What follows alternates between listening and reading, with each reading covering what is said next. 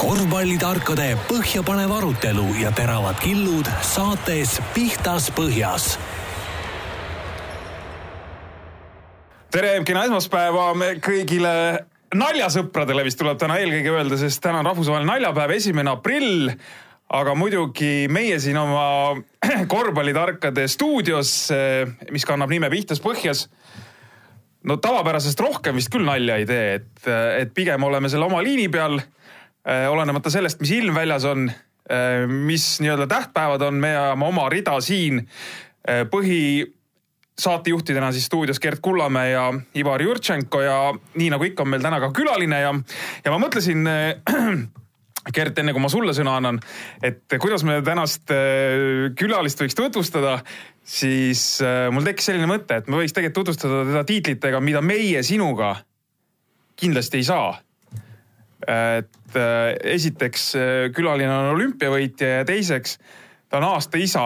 mul on küll ühed sokid kodus äh, naise toodud, kus on kirjas peale, peale kirjutatud, parim isa, aga ma kahtlustan, et seda ei andnud talle keegi noh, nii-öelda kõrgemalt, et selle ise kuskilt sealt astus mingisugusest poest läbi, võttis need sokid näppu ja ja nii need mul koju jõudsid, et äh, meie tänane külaline on äh, Tiit Sokk, tere tulemast. tere teilegi tere ka minu poolt ja kuigi sa ütled siin, et naljasaade ei ole, siis ma pean kohe nagu alustama šokeeriva uudisega korvpallimaailmast, et minust on saanud Astana peatreener.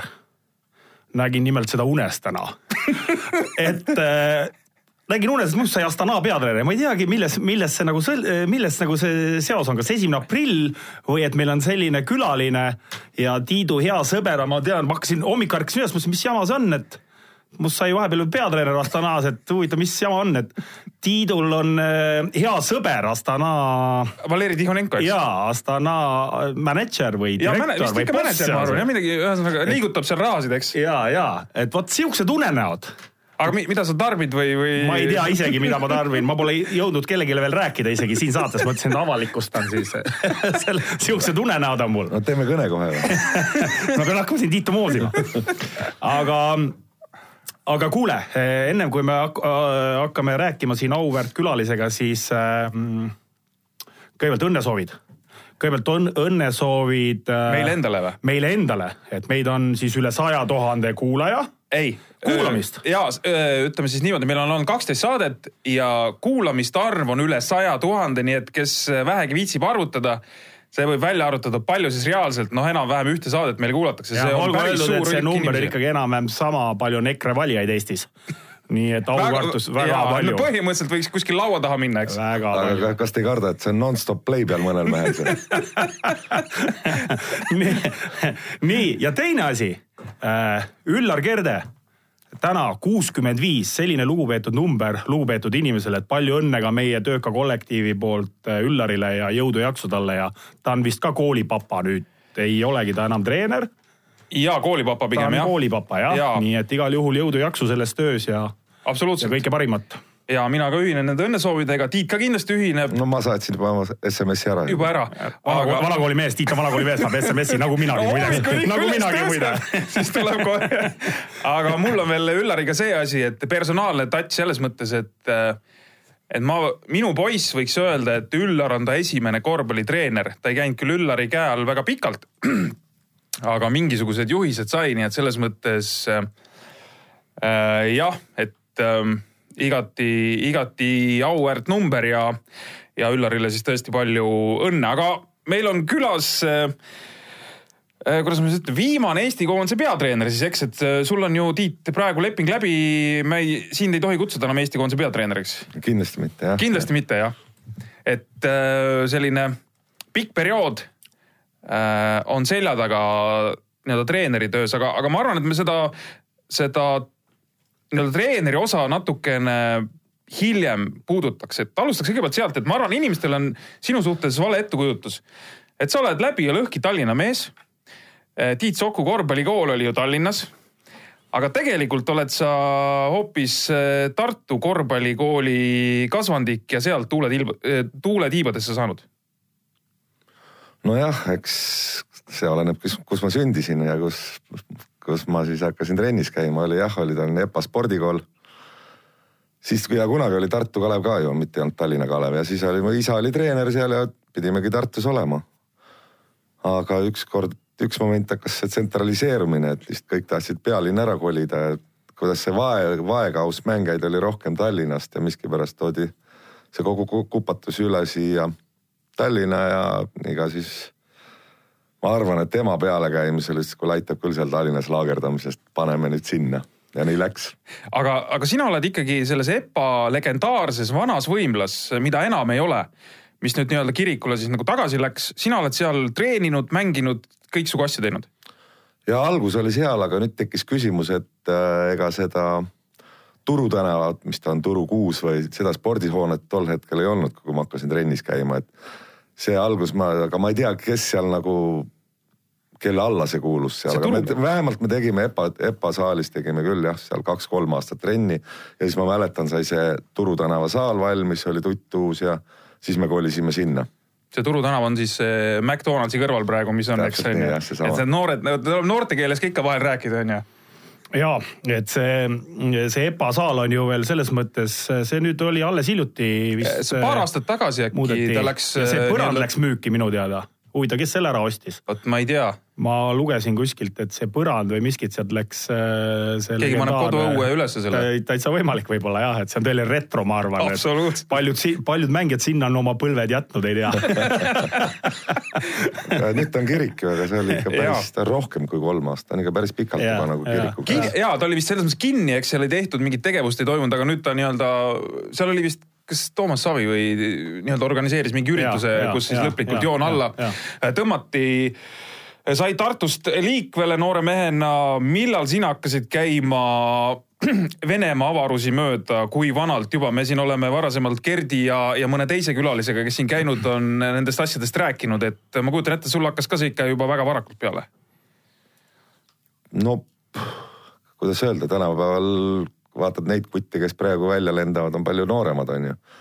Aga ma olin vist kuusteist, kui esimest korda jah komandeeriti Moskvasse ja hakkasid see, aga siis oli juba, läks paljuks, seal siis olidki põhimõtteliselt juba alates siis kaheksakümmend üks, siis nagu võibki juba pool elu oligi Moskvas, noh suved nagunii, noh Venemaa avarustes, aga noh, elu oli selline. Aga kuidas ma ütlen, et kas sa olid, mina neid aegu ise ei, ei selles mõttes nagu tea ega, ega ole näinud kuskilt hiljem ka arhiividest, et kas sa olid äh, selline noh, nii-öelda imelaps äh, korvpalli mõistes juba päris pisikesena või see tuli, see avanemine tuli kuidagi nii-öelda järk-järgult? ei, ma arvan, et ma olin tavaline jorss seal kuskil, et ega ma ei oskagi öelda, seal paar õnnestumist oli mingis kont- kontrollturniiril, kus liidukoondise treenerid käisid vaatamas ja sain mingi, tuli kutse kohe paari kuu pärast olid kontrollmängud Kreekaga. Ma, ma Moskvas ja ma mäletan, et esimest korda oli Tallinna mees nagu Toivo Tulvik, siis kahekesi panime sinna, läksime, jalad värisesid, aga vene keelt ei osanud, aga nagu ikka kõik me algasime sealt ja, ja sattusime kuskile hotell Sport ja, ja nii see asi läks ja, ja treener Paul Auskas ja ega ausalt öeldes väga palju ei mäletagi mina ei ole Tiiduga nõus, et ta ütleb enda kohta, et ta oli Tavaline suvaline jorss.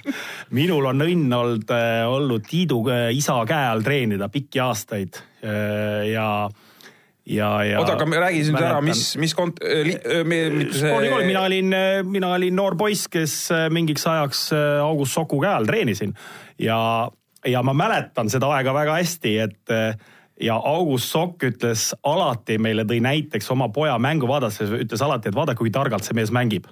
Ja mina, mul on see kogu aeg nagu meeles olnud, nii et vaata, suvaline jorss ei mängi targalt. Et selles mõttes Tiidul ikkagi midagi pidi olema ja see ilmselt oli ka, et isa oli korvpallimängija, isa oli korvpalligeeniga ja, ja, ja või ta poiss, eks ole, ja, ja mängis, et ma arvan, et sa ei saa öelda, aga sa oled küll tagasihoidlik inimene, aga sa ei saa öelda, et sa jorss olid. ma nimetaks jorsse, vähe teised mehed on jorsid aga äh, Gerdi kohta ma olen kuulnud muidugi lugusid. et mina olin jorss, see vastab tõele. see vastab tõele. et kui Kullamäe tuli väljakule, no siis oli ikka tõeline staar siin Eesti mõistes ja nii edasi, eks, aga, aga mul on üks Oski äh, noormees äh, öelnud, et Illuste laagris kus ka sinu isa vist äh, kunagi oli, noh, nii-öelda tegi treeneritööd, eks. Et on rääkinud, vot siis tuli, siis tuli Tiit Sokk ka veel sinna noore poisina, selles mõttes noore poisina, et äh, noh, sa ol- olid nii-öelda sinna meesteklassi alles minemas ja vot siis ta tuli ja siis ta veel andis mingi näidistreeningu seal umbes, et noh, mingeid harjutusi tegi seal midagi, et kõttidel oli kõigil nagu karp lahti, et oh, vot see oli nagu äge, äge hetk, et selles mõttes eh, tundub küll, et sa oled eh, noh, nii-öelda järeltulevale põlvkonnale ikkagi mingil hetkel jätnud sellise jälje, et oh, sellise mehe sarnane tahaks olla. No ma enam nii noor vist ei olnud, ma, ega ma ühe korra olen Illustes käinud, ma olin peale, see oli, see oli peale MM-i, ma mäletan, see võib kaheksakümmend kuus aga olla. ikkagi mehena juba jah? Ja, ja, selle meeste, ja, okei, okei, okei. siis ma jah läksin vist, vaata. mul õnnestus Ivar selles grupis olla muideks, ma ei tea küll, kellega sa rääkinud oled. aga kusjuures ongi vanu, ma arvan, et oligi seitsmekümne esimesel aastal on see nii sündinud. silme ees, see oli kaheksakümmend kuus 86, midagi peale Mhm. MM-i ja meil õnnestus äh, tõesti ja Tiit tuli andes trenni, me olime kõik siis no mina olin viisteist, ütleme siis neljateist-viieteistaastased kutid, noh ja tõesti noh, see, see on, see on nagu noh, need asjad jäävad sul noore mängijale meelde, on ju, ja need annavad sulle seda õhku juurde ja motivatsiooni viivad edasi, no ja mina mäletan täpselt ja ma mäletan ka seda täpselt, et Tiidu mänge olen vaadanud Tiidu ema-isa korteris äh, selles mõttes, et Tiidu isa August Sokk viis neli poissi vaatama mingit finaali või poolfinaali, vot ma ei mäleta täpselt, mis mängu. ja me vaatasime seda mängu nii, et äh, Tiidu isa August treenerina siis ütles, et poisid, tulete minu juurde vaatama, vaatame, kuidas liidukoondis mängib. mul see nii eredalt meeles, noh, et äh, et vot siuksed mälestused ja vot need on need mõnusad asjad, mis, mis, mis vaata, kui tore siin meenutada, eks. absoluutselt, sa Tiit oled, no jõudsime juba aastasse kaheksakümmend kuus, me oleme nagu üsna kiirel sammul tulnud. tegelikult peamegi tulema, muidu me ei jõua üldse siin teatud asjadest rääkida, eks. kaheksakümmend kuus kuni üheksakümmend vist olid need aastad, kui ma siin üles kirjutasin, jaa. neli tiitlivõistluste medalit liidukoondisega sul. olümpiakuld, kaks MM-hõbedat ja euroopakatelt mitte kuld on ju? Pronks oli, jah. pronks jah, et äh, kas need olid nüüd äh, alles küpsemise aastad või need olid juba, kus sa ikkagi juba olid noh, ikka parimas mängija heas, sest olgem ausad, et selle järel ju tegelikult tuli veel üks noh, ikkagi väga hea periood sul, kui sa olid Panathinaikoses, noh, sa olid nii-öelda klubi korvpalli mõttes ikkagi äh, täitsa tipus või mängisid seal nii-öelda tippmeeste vahel. et äh, kummas sa nagu mängijana rohkem valmis oled, kui me neid kahte perioodi näiteks võrdleme? No ütleme, kõik ütlevad, et äh, mõistus ja füüsis saab kokku kuskil kakskümmend seitse, kakskümmend kaheksa, siis nagu liidukoondise aeg ikkagi jääb puhtalt ikkagi selle arenguetapp, ütleme, aga lihtsalt meil oli pull sats ja pullid kutid ja ja ausalt öeldes oli, kuidas öeldakse, õnnega oli vähe, meid nagu force iti ka, forsseeriti, et meil oli nagu head õnnestumised selles mõttes, et, et vähe selles, et nad liidukoondis ju tegi trenni, siis õnneks läksid need, vahepeal oli see ju USA-ga oli see mingi pahad ajad seal, mingeid suhteid ei olnud, olümpiamängud jäid vahele ja kõik ja siis me olime jälle nagu esimene lend, kes juba noortekoondis hakkas jälle USA-s käima kaheksakümmend kolm ja saime häid mängu ja siis tuli ju see Perestroika ja Atlanta Hawks ja Mike Fratello, kes seal meid vedas ja laagreid korraldas USA-s ja noh, siis kuidas öeldakse, selleks peab ka õnne olema, et taolisi asju saada, noh. et see nagu üks, üks tingib asja nagu eelduse teiseks ja nii me siis jõudsime sinna oma, ka tegelikult me olime ju poisikesed, olümpiamängudel enamus oli seal kakskümmend kolm, kakskümmend neli, noh. aga ma ütlen, heade asjade kokkusattumus.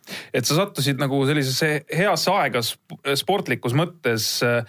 kui paljud Eesti sportlased, ma ei pea silmas korvpalli, vaid üldiselt laiemalt, on öelnud, et, et see noh, liidu spordisüsteem nagu ikkagi pidurdas, sa ei noh, ei närinud ennast läbi sealt äh, iseenesest sa võib-olla olid ka seal noh, ikkagi suhteliselt tipu lähedal, aga tiitlivõistlustele peale ei pääsenud. kui sa nüüd oleks näiteks olnud äh, Eesti koondises korvpallur, sul ei oleks mitte ühtegi medalit, mida ma siin praegu ette lugesin. no ma vaataks saad Atlanta Hawksiga ka koos treeningut teinud.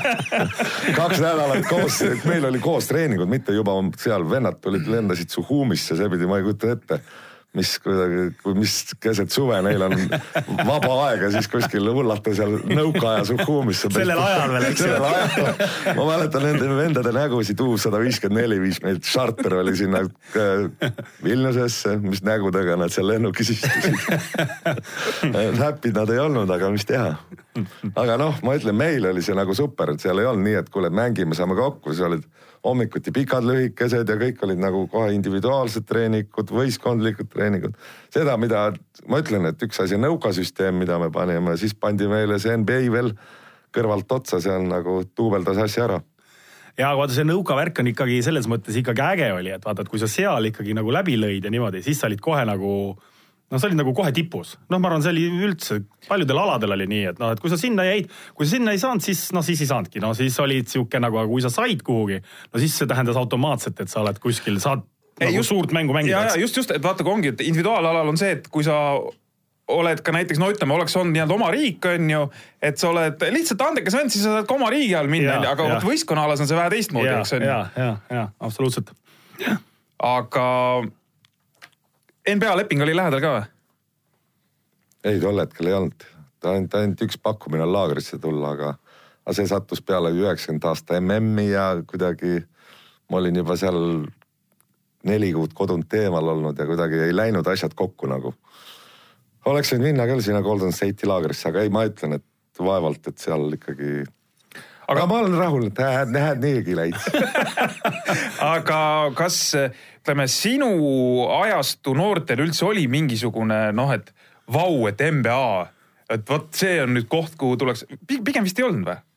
ega NBA ei olnud kaheksakümmend, oli ta päris kehvas seisus kuni kaheksakümmend, et see, see, kuidas öeldakse, see superareng, kus nagu NBA sai nagu, kuidas öeldakse, nagu kõikide iidoliks, see tuli nats hiljem ja seal olid kõvad poisid küll koos, aga see, nad olid majanduslikult kehval järjel olid ju.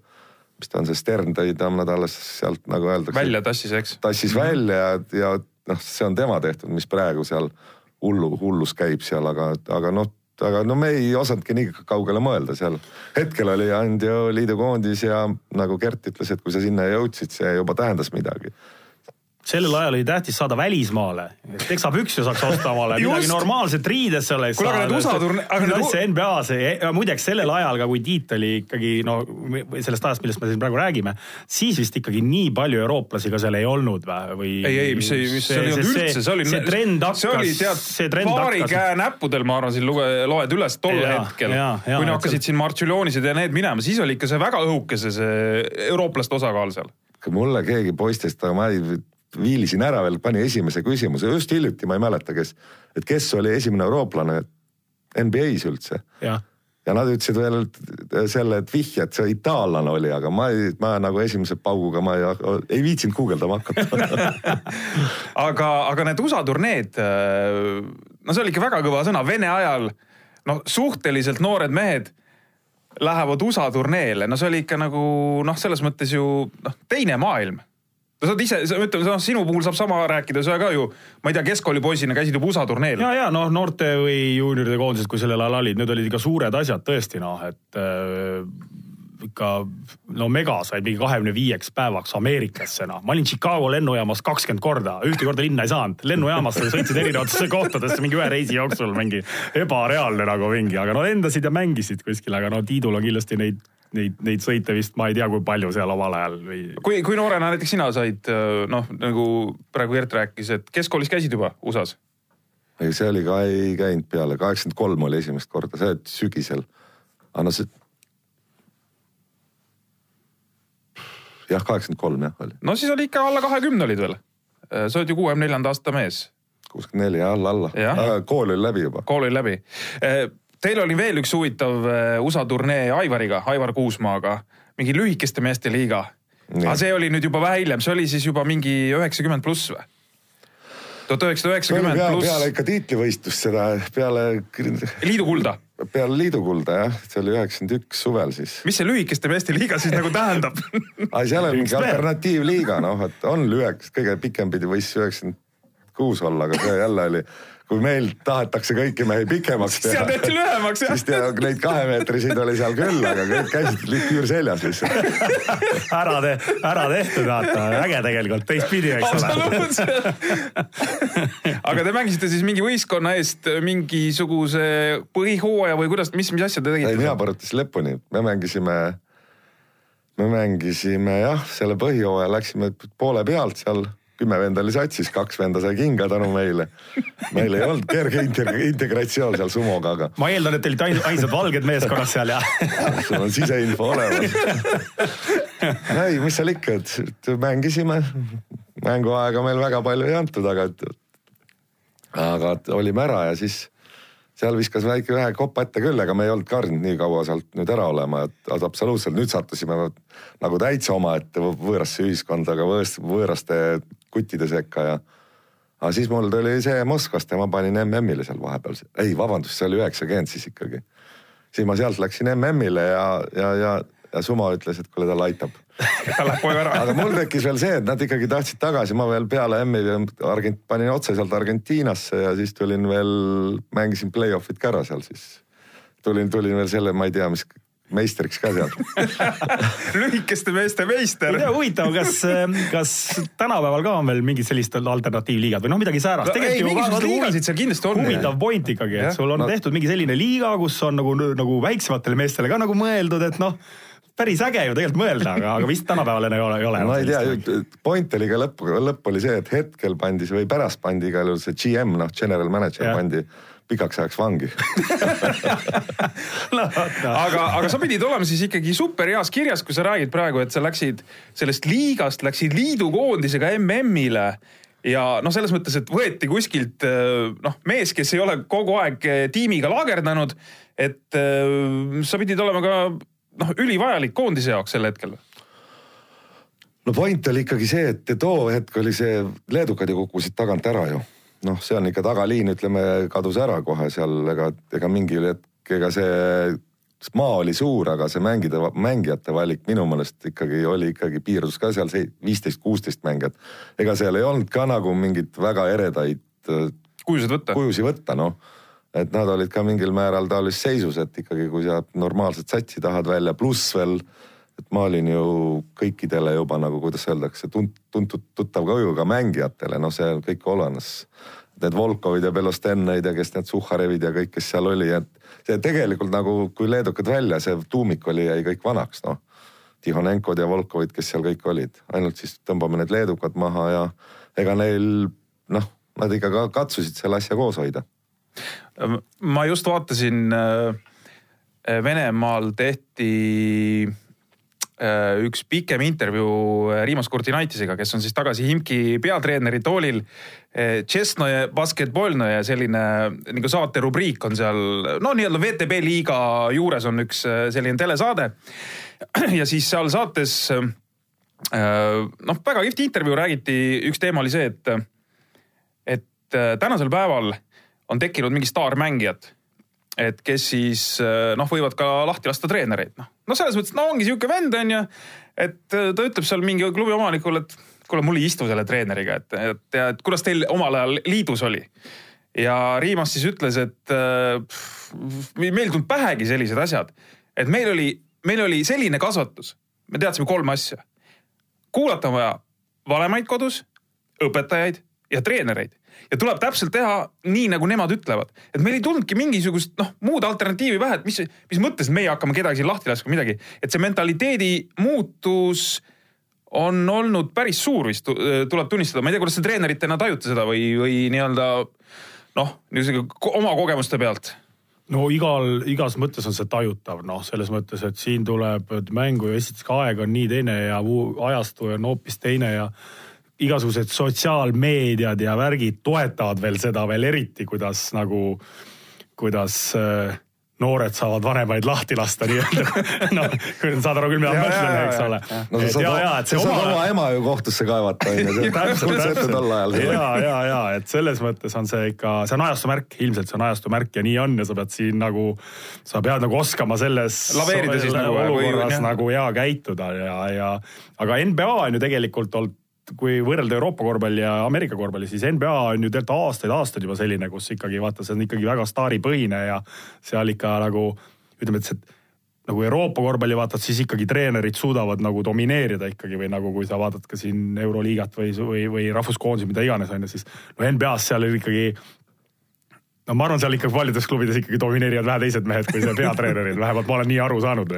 ei no seal on teine point hoopis see, kui vaadata, kes NBA-d nagu ei tasugi vaadata, noh nagu Welcome to the club, Tiit, ma ka, ma ka ei nagu vaata. sa oled korvpall, kui sa nagu oled korvpalli poole pealt, kui sa show'd tahad vaadata, siis palun, see on kindlasti omaette vaatamisväärt, aga mis seal on, ega seal NBA ei ole mingi võistlusmäng, seal on business kõik, seal, kus ainult äh, pappi kokku lükata ja seal, kui sa hea treener oled ja mingid kehvad mängijad on, siis sa võid hea saavutust saada, aga sul rahvas ei tule ja see Ja, ongi staaripõhine, noh, et sa pead sa pead hulluma neid miljon särki või kümme miljonit särki või nänni müüma, ma ei oskagi seda kõike ära öelda, reklaamilepingud kõik, kõik, kõik, kõik. siis ma arvan, et see on see. See on puhas business ikkagi. puhas Jaa. business. aga no ei oleks paha mängijana paariks aastakski sinna businessi vahele sattuda, eks. ja siis jääks midagi näppude vahele, ma arvan. kindlasti jääks midagi näppude vahele. et, et selles mõttes jah, et, et ega ma ei teagi, tänasel päeval kuidas, kuidas nende noortega nagu hakkama saada on, Tiit, sa oled ise ka siin vanemaid ja nooremaid mehi koondises juhendanud, et või, või ütleme, need mehed, kes on ikkagi nagu spordimehed ja juba koondisse jõuavad, need saavad nagu asjadest nagu õigesti aru, ma pean silmas, et noh, vähemalt Eesti kontekstis, et mis on tähtis ja mis ei ole tähtis. No ega, ega, ega need, see mürsiku isa, iga nagu öeldakse, need meist kui on kõige hullem see, et ega no kui nad juba koondisse jõuavad, nad on teatud vanusesse jõudnud, pigem see kolmteist, neliteist puberteed, see on nagu kõige hullem, kus nad ja kus ongi see nagu Gert ütles, sotsiaalmeedia, nad juba mõtlevad, et nad on nii targad ja üle mõistuse, aga aga õnneks ma ei ole lasknud eriti ennast äh, häirida ja ega midagi, vahepeal ikka tuleb, kuidas öeldakse, et rusik, rusikas ka püsti tõsta, ega, ega, ega sa muidu nende vastu enam ei saa, et vahet pole, mis sealt, mis see tagasiside tuleb sealt, aga, aga no ma arvan, et need kutid, kes on vähemalt kunagi ellu läinud seal ja on vähemalt tänavad, et, et igat asja on elus vaja, et praegu asjad lähevad minu meelest ikka nagu noh, liiga, liiga, Liiga lõdvaks. liiga lõdvaks täpselt et piitsa ja präänikut, aga, aga ma küsin enne ühe asja veel ära, kui Gert, sina sõna saad, et, et sul on õnnestunud mängida no päris pikalt koos ühe no ikka tõelise staariga, rahvusvahelise staariga, ma pean silmas Arvidas Sabonist. et äh,, et noh, see on ka ikkagi no ma ütlen, selline kingitus noh, meeskonnale võib-olla, eks, et ma ei tea, kas sa nõustud minuga või mitte et, et kui sul on selline mängija olemas, siis noh, siis ongi võimalik ükskõik mida selle peale ehitada. et, et noh, öeldakse, et anna mulle üks hea taga, anna üks hea mängujuht, anna mulle üks hea pikkmängija, anna üks hea viskaja, siis me võime kõigile ära panna, eks. et, et see Sabonis, no me peame vist ikkagi nagu ütlema, et ta on, no ma ei tea inimene, kes sünnib Euroopas üks viiekümne aasta jooksul. ma pean korvpalli silmas jah, ta on multitalent, supertalent, noh, ta nagu saab kõikide asjadega hakkama, on ju, ja temaga on kerge mängida, aga ma olen öelnud muidugi noh, teda veel eriti rõhutades, et, et mida paremad mängijad su ümber, seda kergem on mängida, et see on fakt, on ju. ja, ja noh, kui taoline senter on see, kes nagu kaitses sa võid eksida ükskõik mida teha seal, noh siis kõik su jama nagu elimineeritakse lõpus ära seal noh, et märkamatult, et ei jäägi kuskil silma, et sa midagi. Propak oleks teinud, jah? jah, lased mõne paki läbi, tol ajal on see videovaataja ka nii väga popp on ju. ja siis olidki õige mees lõpu, päeva lõpuks, aga no sest no super, no ei, tal oli muidugi noh, temaga oli väga-väga kerge mängida noh või aga oli, oli, näiteks oli, sa ütled näiteks, et noh, sa oled temaga hästi palju mänginud, oli seal siukseid nagu keerulisi kohti ka, et äh, näiteks noh või,, võib-olla me ei oskagi noh, niimoodi tol ajal ei osanud vaadata või midagi. et, et no niisugused nõrgad kohad nagu ikkagi olid ka olemas. ei olnud, ei ta oli ikkagi, no ega ta poleks muidu ikka Euroopa topis olnud ja NBA-s oli ikka ka tegija. Isegi peale neid vigastusi, mis tal oli, et kus ta kaotas pool oma kiirusest, kui ta ikka noor, kui esimest korda kokku, siis ta oli veel, jooksis ka kiiresti, siis oli ikka väga pahasti oli. ta oli vist üldse veel see mees ka, kes oli ju õppis nagu tagamängija oli kunagi noorest peast. üsna hilja, hilja hakkas vist kasvama või midagi, no ühesõnaga. ei, me saime, mis aasta ma ütlesin, Moskvasse läksime, siis ta oli mingi üheksakümmend kaheksa pikk. aga tegelikult see oli kaheksakümmend üks, ta oli kohe-kohe saime seal seitseteist siis ta oli mingi üheksakümmend seitse, üheksakümmend kaheksa pikk, virutas lihtsalt veel kolmkümmend senti juurde. lihtsalt lambist tuli veel, nii et. jube, jube värk. aga kui tihti sa Tiit nende Saboniste ja, ja, ja nende vanade võitluskaaslastega nüüd veel oled äh, kontaktis või suhtlete omavahel või? no vahepeal Whatsappis kuuled neist midagi, aga noh. laste võist,, lastevõistlustel omale saite kokku, ma tean, eks oh,. jah, siis kui olid jah, jah, jah, jah. no juhtub ikka, kui kokku Ja, saad ühte kanti satud. Aga no ei, no kõik on veel praegu, vaata kui kefiri peale jääme, siis siis võib-olla on aega rohkem. ja me siin vahel viskame musta huumorit ka Ivariga muide, muide me oleme, ma ei tea, kas sa Tiit ise mäletad, me oleme eh, sinu arvel teinud eh, kunagi ETV-s ka ühe aprillinalja. kuna täna on esimene aprill, see aasta võis olla mingi kaks tuhat. Eesti valmistus kaks tuhat üks EM-finaalturniirile minema, ma ei mäleta nüüd, kas see nüüd oli siis juba kaks tuhat üks või oli see kaks tuhat, millal me selle nalja tegime. et te mängisite, sul oli vaata see noorteturniir ja te mängisite treeneritena labakindad käes poiste vastu. Seal oli vist äkki seal oli mingisuguseid mängumehi veel noh, nii-öelda vanu No mängumehi. seal vist, kolm-neli ja siis me tegime klipp, Tarakanov äkki olid küll tegime klippi, et äh, Tiit hakkab tagasi tulema, et pallitunnetust nagu paremini kätte saada, siis on pandud mingid labakindad kätte. ja Üllar tuli Üllar oli siis Eesti koondise peatreener, Üllar tuli nagu mänguga kaasa, ütles ja, jah, et Tiiduga meil on siin erijutud olnud ja mingid värgid. ja siis mul üks sõber tuli, mu enda hea sõber tuli, ütles, et kurat, ma alguses mõtlesin, et ongi, noh, et Tiit tuleb tagasi umbes koondisesse ja mingi läheb mänguks ja ma olen siiamaani valmis ju. no täpselt. no Gerd ka ja, ja, ja kogu aeg pead soe olema sa ei tea kunagi, kust see pakkumine tuleb, Ivar, et sa pead olema valmis kogu aeg, kasvõi poksikindad käes. aga ja see Tiit nagu selles mõttes nagu, kui sa kuulsid uudist, et Gert läks uuesti mängima, sa mõtlesid, et huvitav, mis sellel mehel viga on. tegelikult ma nägin teda enne, kuidas vend selleks mänguks valmistus, ma ta nagu ta, samas aimas. ei, ma olin trennis poistega, kui vend tuli harjutama, et ütles, et, et vaatasin üle, aga noh, vähe aeglaseks, muidu on päris hästi, aga aga sellel hetkel ma küll veel ei teadnud, et ma olen Kadrina karude mängumees, sellel hetkel, kui ma teiega nägime. et sündmused toimusid kiiresti, aga kuule, aga kas me peaksime tegema võib-olla ja teeme äh, küsimusmängu ära. küsimusmängu ära, jah? just, meil on pool tundi saatest nagu nipsti läinud. Pihtas põhjas Kossu saate küsimusmängu auhinna paneb välja Sportland. Ja küsimusmäng oli siis meil eelmise saate, kaheteistkümnenda saate, või praegu tabasin ennast mõtet, meil on täna kolmeteistkümnes saade, jaa, õige aritmeetika sul. et see kolmteist on nagu hea tänases kontekstis on ju, õnnenumber jah. et äh, Rait Käbin oli külas ja küsisime tema kohta, et äh, Eesti meistriliigas, mis hooajal ja milliseid statistik, millist kahte statistikanäitajat ta siis nii-öelda juhtis. ja hooaeg oli kaks tuhat kuus, kaks tuhat seitse Pärnu meeskonnas ja oli parim söötude jagaja. aga oli ka kõige rohkem pallikaotusi teinud mängija, see pallikaotuste arv oli neli koma kaheksa mängu kohta. no ütleme nii, et oleks ise treener olnud, ei oleks vist väga mängu pannud meest. jah, et muljetavaldavad numbrid. aga sööte tuli neli koma kaks, ma pakun midagi sellist, nii et noh, enam-vähem silus ära ja, ja, et ja meil tuli kakskümmend neli õiget vastust ja Tiit, ole hea, ütle nüüd number ühest kahekümne neljani ja siis äh, meil äh, üks õnnelik saab äh, Sportlandist auhinna. Gert rääkis midagi sada, sajast tuhandest ju. ei kuulajaid, kuulajaid on sada no tuhat. enamus ei tea vastuseid, kuulavad lihtsalt. okei. no võtame talle viisteist. nii, viisteist. Roland Olesk. palju õnne, Rolandile. Roland õnne, on minu meelest ka päris tihe vastaja, meil on igal juhul nimi juba väga tuttav. et äh, sportlane auhind äh, kuulub sulle ja võtame sinuga kindlasti ühendust. Pange vastused ikka teele pihtaspohjas.delfi.ee. aga meil on ka Tiidu kohta küsimus ja küsime siis ikka selle olümpiaturniiri kohta tuhat üheksasada kaheksakümmend kaheksa. Soulis tuli olümpiakuld, aga me küsime sellist asja. mitu minutit mängis Tiit Sokk poolfinaalis ja finaalis kokku? vastasteks olid siis olümpiamängudel. olümpiamängudel ja kaheksakümmend kaheksa, vastasteks olid USA ja Jugoslaavia.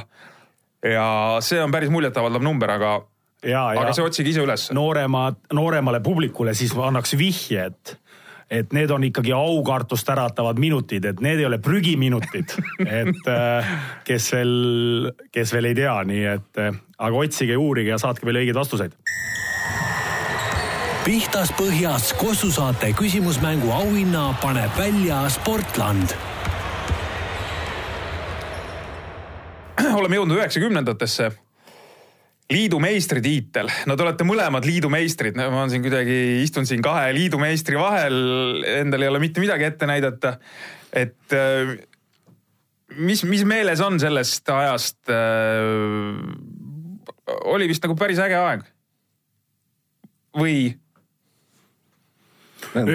mina ütlen ausalt, et see üldse, kui vaadata karjääri peal tagasi, karjäär ongi tegelikult võrreldes praeguse eluga, et sportlase elu oli ikkagi, kuidas öeldakse, vähe palju-palju noh, kuidas öeldakse, atraktiivsem kui hetke see värk, mis siin rutiini sa pead nagu päevast hommikust tehtama, see treeneritöö ka ei kõlba ju kuhugi võrreldes sellega, kui sa olid mängija, kus ikkagi kuidas mängides sul oli ainult üks, üks kohustus trenn ära teha ja hästi mängida, ega rohkem sulle keegi otsa ei vaadanud mingeid küsimusi.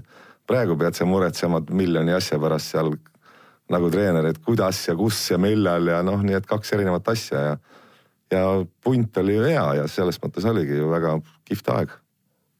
ja, ja, ja sellele otsa veel tegelikult järgmine aasta ka ju te mängisite ju noh, nii-öelda seda Eh, Euroopa meistrite liigat või noh, ütleme euroliigat noh praeguses mõistes, eks, et eh, see hooaeg eh, oli vist sama, sama äge otsa sinna või, või siis olid juba tunda mingisugused noh, ma ei tea, et ma ei tea, finantsi kuidagi hakkas nappima või, või olukord oli keeruline, no tol ajal ju oli see rahaline taust üldse nagu ta oli noh?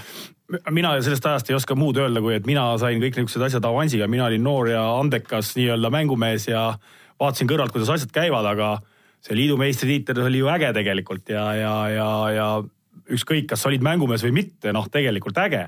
ja teine oli, mis ma mõtlen, et see, see Euroliiga, mis siis järgmine aasta. järgmine aasta, ja, ja liidu meistrina te saite sinna. see oli Champions League siis. kuradi äge, kui sa mõtled, tood selle asja praegu tooks aastal kaks tuhat üheksateist ja mõtleks, et meil praegu Eesti tiim mängib siin selliste satside vastu nagu Barcelona oli, Tel Avivi Maccabi ma ei tea, puusalt ma ei oska siin ja, praegu ja, panna oli... veel, seal olid niisugused satsid mm, -hmm. et oleks ikka kuradi äge, ma arvan, et Ivar, sa oleks nagu viis kopikat kogu aeg Saku hallis kriibiksid ust ja, ja tahaks nagu Kossu vaatama minna, eks, nii et noh no vot, näed, meil on siuke meenutuste saade täna, onju, aga, aga päris lahe on vahel harva meenutada, onju. aga see ei tähenda seda, et me Tiiduga vanaks oleme jäänud, et me siin tulime heietama midagi, et äh, meie pole neid teemasid valinud, Ivar, onju. sina valisid. Aga, aga selle, selle meistrite liiga turniiriga sa mängisid endale siis äh, Panathinaikose lepingu no kui nii võib öelda jah, muidugi, ega sealt, kuidas öeldakse, ega, ega siin tol ajal ka ju ikkagi oli Nõukogude Liit, ega siis siin skaudid eriti palju ei käinud siin meie mänge vaatamas, on ju.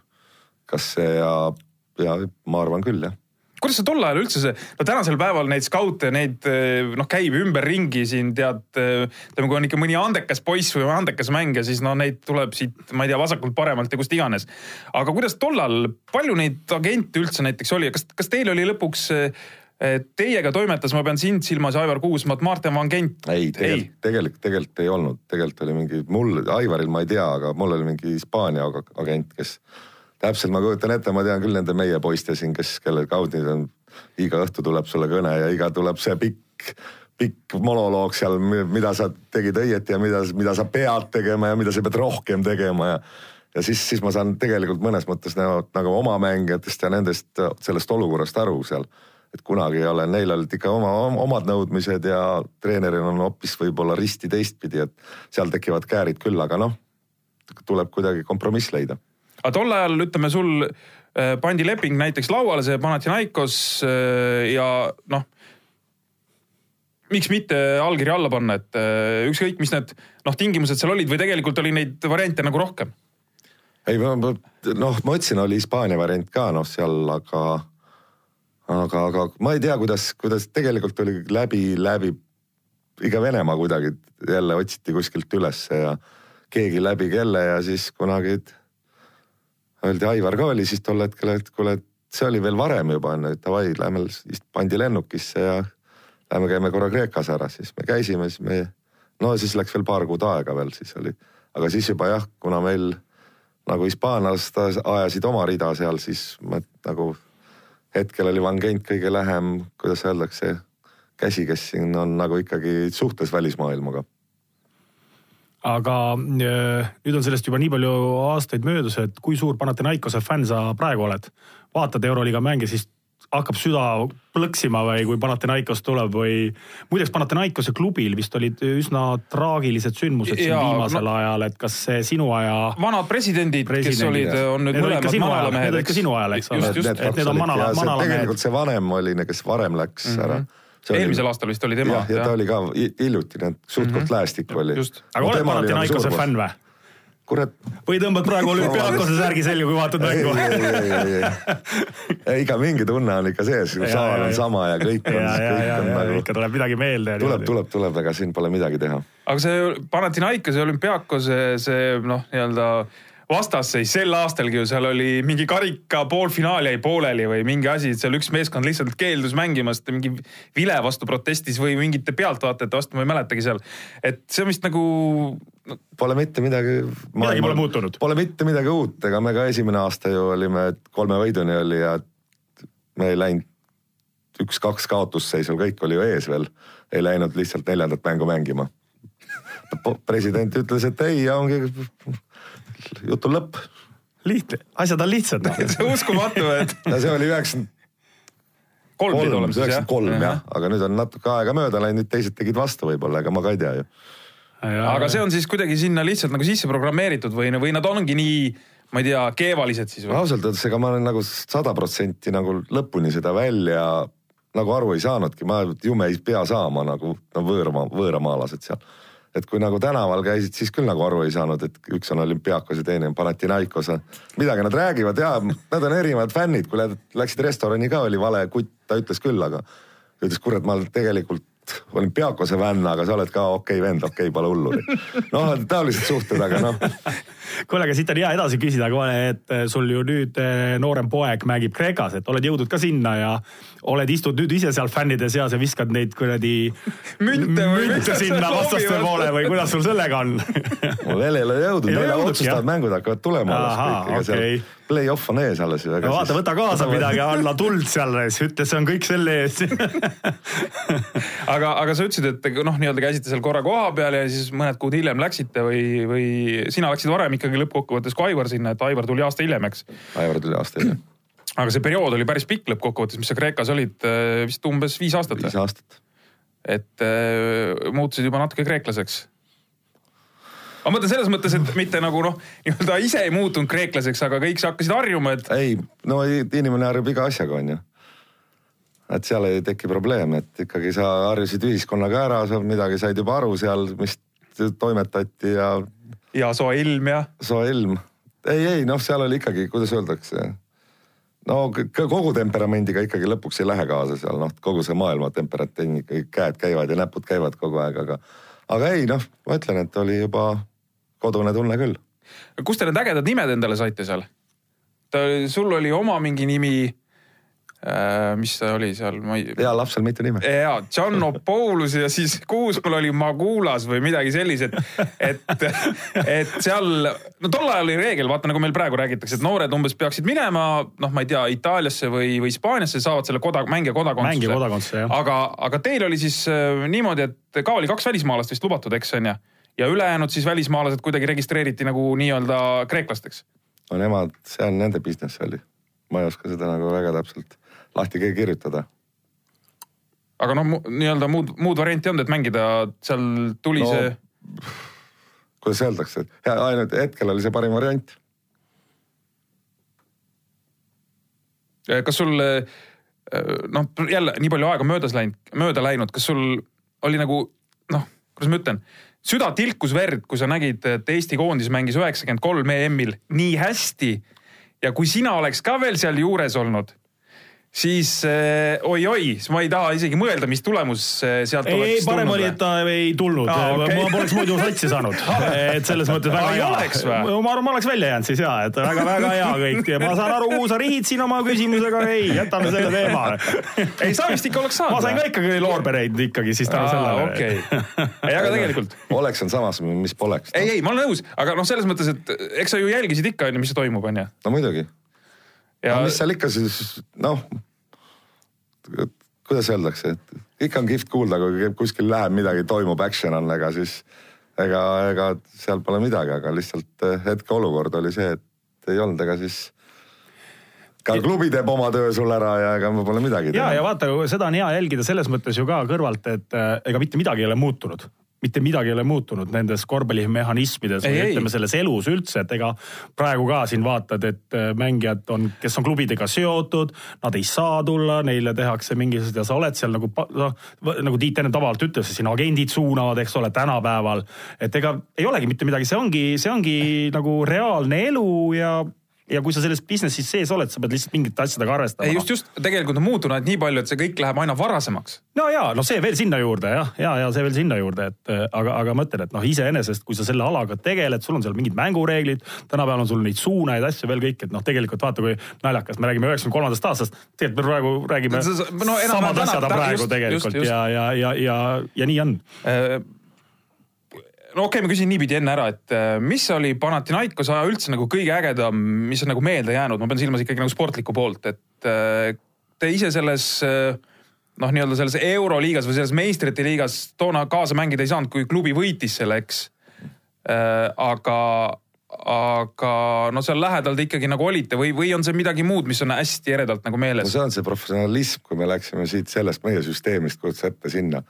No seal, nagu kõik pisiasjadena on nagu sulle välja mõeldud, sul pole elus ühtegi probleemi, isegi sa ei pea no mitte midagi tegema, kõik su eest on tehtud, sa ainuke üks asi, ole mees ja tee trenni, noh no see on nii võõras, et kui sa siin pidid mõtlema oma vorstijupi eest, pidid võitlema kuskil, ma ei tea, mis poed seal olid seal. järjekorras seisma. Brežnevi pakikesed seal said sportlaste poest mingi nänni ja nüüd saad teise ühiskonda, kus sa oled nagu korralikult tasustatud ja siis veel on kõik, tehakse veel nagu ekstra, sul pole ühtegi probleemi, noh.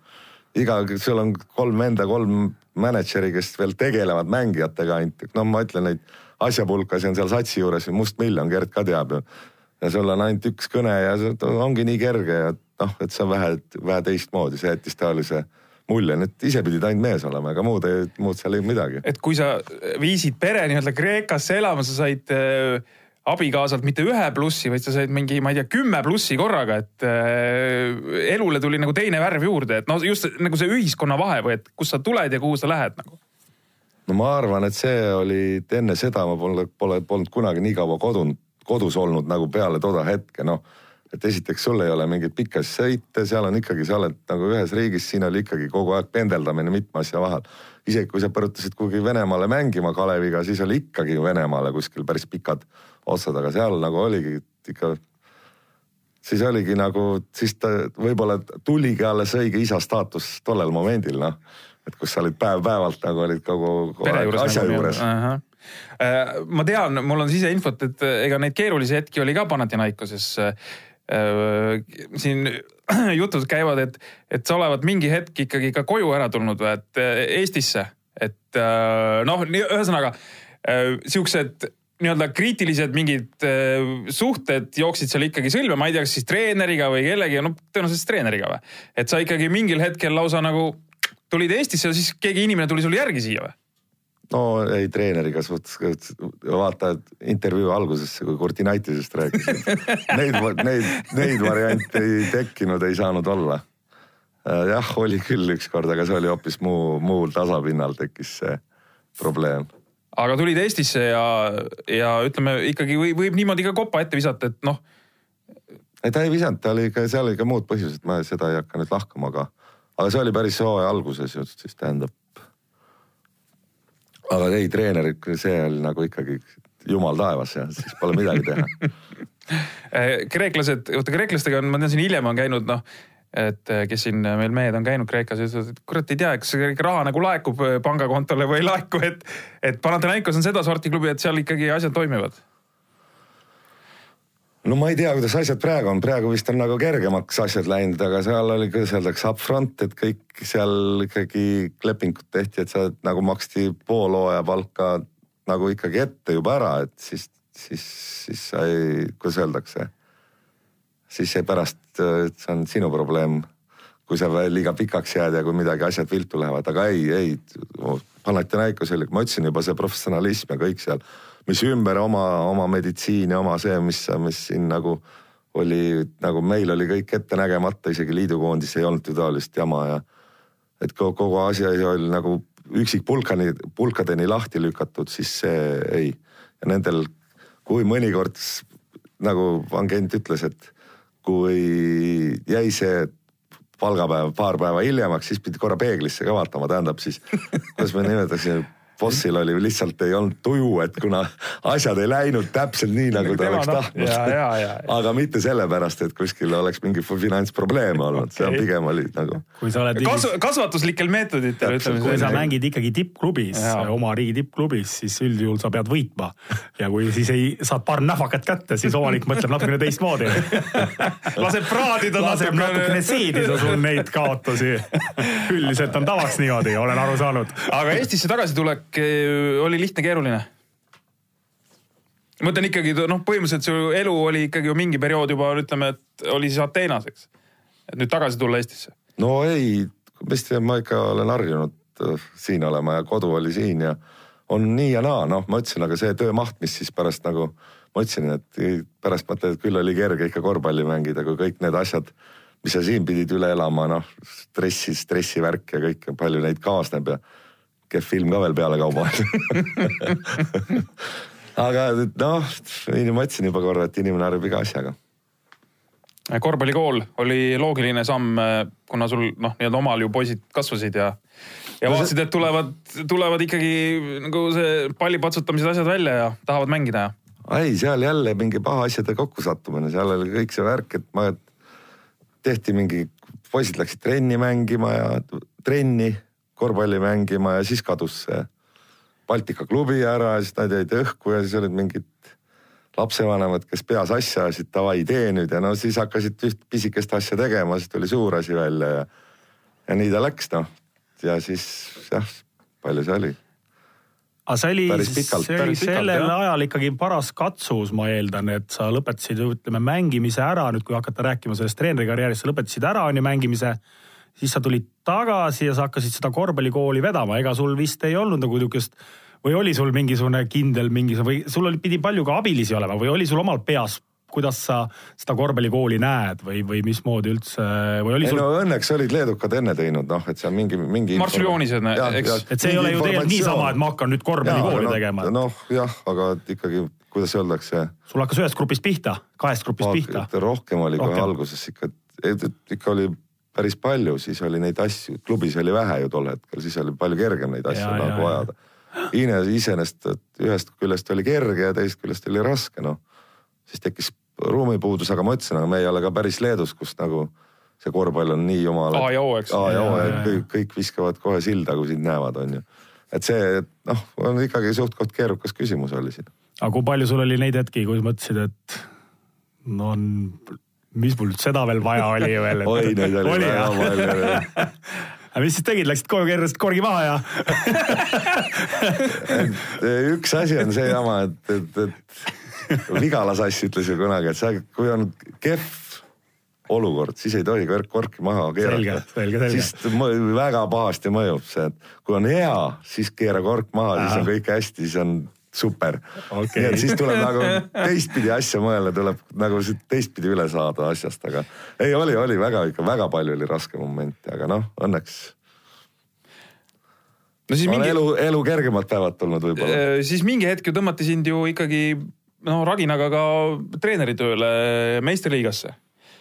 pikka aega Nüübitiga, no seal olid ka erinevad nii-öelda nimed, no selles mõttes sellel klubil, eks, aga ütleme siis Nüübiti, siis Audentes, Nüübit või kuidagi see seal läks niimoodi ja siis siis eh, kindlasti osad ei mäletagi, siis vahepeal olid eh, korraks Alar Varraku labis, Kalev Cramo abitreenerina ja siis tuli ju veel eh, TTÜ päris pikk periood, eks. jah, paar aastat. Neil kaks aastat oli ainult. kaks aastat ainult või? ahah, et, et selles mõttes meistrikulda sa kodus ei ole kätte saanud. Üks mees istub siin, kellel on meistrikuld. noh, elu on pikk ja midagi peab ju ette, ette ka jääma, onju. jah, aga, aga on see, on see nagu selline noh, et keegi nüüd tuleb ja ütleb, et äh, Tiit, vaat sul ei ole seda meistrikulda. et äh, meil on nüüd, me paneme päris hea satsi kokku endale, et äh, tule treeneriks. oi, nii on väga ke- raske öelda hea sats, aga see, et neid hea satsi kokkupanekuid, ideid on ennegi nähtud, seal peab väga hea idee ikka taga olema, noh. seal neid ühepäevaliblikaid, kes on hurraaga hakkavad tegema, on ju päris palju olnud elus, aga, aga ma ütlesin, et alles hiljuti sai öelda, et iialgi ära ütle iialgi ja nii, et nii, nii et. kunagi ei tea, ühesõnaga. miks mitte muidugi kuule, aga minul on selline küsimus Tiidule ja mina arvan, Tiit on parim mees sellele üldse vastama või üldse, kuidas sina näed või kuidas sa mõtled, et vaata, meil on siin ju, mitte üldse, vaata arutatakse ju sel teemal, ütleme noh, fännid või üldse, et noh, et vaata, et kui sa oled nagu, et lõpetad ära mängimise, et siis sa alustad nagu treeneritööd, et kas see on hea või halb kohe, et noh, sa alustad umbes treeneritööd, eks. Tiit, sina alustasid koos, kohe treeneritööd, põhimõtteliselt sa lõpetasid ära, nii nagu tegelikult minagi, et lõpetasin ära, aga lihtsalt teist, teises vormis, eks ole, mina, minust sai abitreener ja nii edasi. aga sinul oli veel ju see, et sa treenisid noori kohe alguses ka, eks ole, ja vaata, öeldakse, et noh ma ei tea, kas sellega olla lõpuni nõus, vähemalt mina ei oska sellega lõpuni nõus olla või et, et kas et noh, et sinust saab siis hea treener, kui sa oled nagu noored üles kasvata, kasvatanud, et kuidas sa neid asju näed, et kas sa, sa arvad, et. et ühesõnaga hea treener on see, kes no, on ka noortega kes... tööd teinud. ja, ja, ja mina olen alati seda nagu kuidagi mõelnud niimoodi, et vaata, et, et noh, et olla noortetreener ja olla mingi professionaalse meeskonna treener on kaks hoopis eri ametit minu arust nagu treeneri ametis, aga, aga kuidas sina nagu neid asju võrdleksid või kuidas sa nagu nagu näed neid asju, kas on siis, meil näiteks praegu plejaad mängijaid hakkab lõpetama, et mis nendele soovitada, et kui nad tahavad korvpalli juures olla või neile meeldib, neil on omal pojad ka tegelevad, et, et kas nad siis, mis neile kasulik oleks või kas nad õpiksid tegelema noortega alguses või ampsata kohe suur amps või kuidas sa neid asju näed? No küsimus, mis äh, kuidas kahe otsaga asi, et esiteks sul on hea kogemus, kui sa oled hästi kõrgelt tase, noh, heal tasemel mänginud, on ju et kuidas nüüd, äh, kuidas kogenud satsiga edasi minna, sa saad paralleele tõmmata, onju. aga samas sa pead nagu aru saama ka nende noorte psühholoogiast, kes noh, vaevalt sa mäletad, kui ma ise noor olin kakskümmend aastat tagasi, kui ma või viisteist aastat, kuidas ma tulin sinna satsi, kui kehv seal oli ja kuidas nagu noh, kas neid integreerida, neid noori sinna satsi, anda nendele võimalus. et see on nagu kaks, et noh, nagu seda ka vaja teada, nii et noh, kui sa kui, kui sa teaks, et sa oled Tallinnal nagu Euroliiga treeneriks lähed, et sa põrutad ainult seal, ega nad noori eriti ei võtagi, seal on kõik kolmkümmend pluss nagu väga kogenud mängijad ja siis sul nende noortega eriti ei olegi nagu pistmist, aga samas kui on, oleme väikeses riigis nagu Eestis, kus nagu tahaks seda teha, et noor ka tuleb mängima, see on super, siis sa tead, kui noh, sa ei saa öelda, kuule, sa ei oska seda, noh, nagu ma võin öelda, et meile ju kunagi ei öeldud kunagi omal ajal, mida sa pead õppima või sa pidid ise olema see vend, kes aru saab sellest. aga nüüd ju on, et kui need noored tulevad, see ju kogu aeg nagu see, kui sa oled noortega harjunud tegema, siis võib-olla seal liiast, aga noh, kogu aeg mingid pisiasjade kallal ka ilgud ju nendega, et kuule, see on valesti, see on valesti, aga, aga ma arvan, et see on ikkagi nagu kasulik, et sa oled ka mingi noortega, noh. Et kõige parem on, siis võtadki kokku, et oled vanade meeste treener ja paralleelselt mingi kuradi noortega saad ka mingit väikese tätsi kätte. mis äh Äh, kuidas nagu seda, ütleme, hindad, jälle sa oled hästi-hästi pikalt olnud ju tegelikult korvpalli juures, no ütleme, praktiliselt sa oledki olnud äh, kogu aeg korvpalli juures väiksest peale, et ise oled need kõik etapid läbi käinud, et kuidas sa näed seda tänast korvpalliseisu meil, kui sa ütleme, näed neid mingeid nooremaid mängijaid, kes peale tulevad. Mis, mis nagu noh, nii-öelda, mis mõte pähe tuleb, et, et, et, et kuidas meil see korvpalli asi siin on? sa mõtled hetkeseisu? hetkeseisu jah, et kuidas sa näed, et, et kas, kas me nagu liigume õiges suunas, oleme me, no ma ei tea, mis heas seisus, halvas seisus? ma just lõpetasin ühe jutuajamise, et, et kus nagu ma leidsin välja, et kui kümme aastat tagasi olin koondise treener, kui kaksteist venda kokku sai, siis oli juba teadsid, et kui keegi ära kukub, siis on ikka asi juba väga pahasti, onju. tähendab juba üksteist, kaksteist oli back-up, vahet pole, keda sa võtad. siis tänapäeval on see ikka see nimekiri ikka väga pikaks veninud, mis on nagu positiivne, et me hakkame kuskilt ikkagi sealt nagu välja minema. sellest äh, kriisiolukorrast nagu, et kus meil ei ole lihtsalt, ega meil kogu aeg ei ole, ma tõin ju liidukoondisest näite, et et, et ei olnud, oli mingi limiteeritud arv mängijaid, aga nüüd on ikka need, kui keegi nagu ära kukub suures plaanis, noh, ütleme, et üksikutel on ikkagi need privileegid, et on kõik hästi hetkel. aga siis ikkagi on peale tulemas ikkagi terve plejaad, kes nagu on või noh, vahetusvõimelised mängijad ja see on nagu, mina näen küll, et hetkeseis on nagu väga hea, aga peaasi, et nüüd on see kõige kehvem iga ju poistel noh, kus, kus seal ma ütlen, et nüüd on vaja näpud või pöidlad pihku, et nad head klubid saaks ja, ja siis on, et töö jätkuks, et kuskil mingeid jamasid ei juhtu. et ma, et... ma ütlesin, et seda väikest õnnemomenti on ka vaja nüüd kuskil mm, -hmm. ka see suvi nüüd, see periood, mis nüüd hakkab. Äh, kus, kus meil need äh, suured tähed on äh, nagu lätlastel? Äh, no see, see on lihtsalt, ma nii-öelda provotseerivalt küsin, et, et kus, kus meil need tähed on, ma ei tea, kes siis sealsamas, ma ei tea, laineid lööks Euroliigas või NBA-s, et miks meil neid ei ole? no praegu on ju terve plejaad, aga nad on kõik nii noored, et ega. et sealt tuleb? peab tulema, ma ütlesin, et vähe õnne ka on vaja, noh, see ongi väga paha moment, no mitte paha, selles mõttes raske moment, kus on õnne ja vedamist vaja lihtsalt, et pisikene õnnemoment, et sa seda õigesse kohta maandud. Ja siis, siis miks mitte on võib-olla, võib-olla järgmine aasta juba kõik. ma just ütlesin, et või ma ei tea kellegi koha pealt, võib-olla meil järgmine aasta kolm euroliiga meest rahulikult.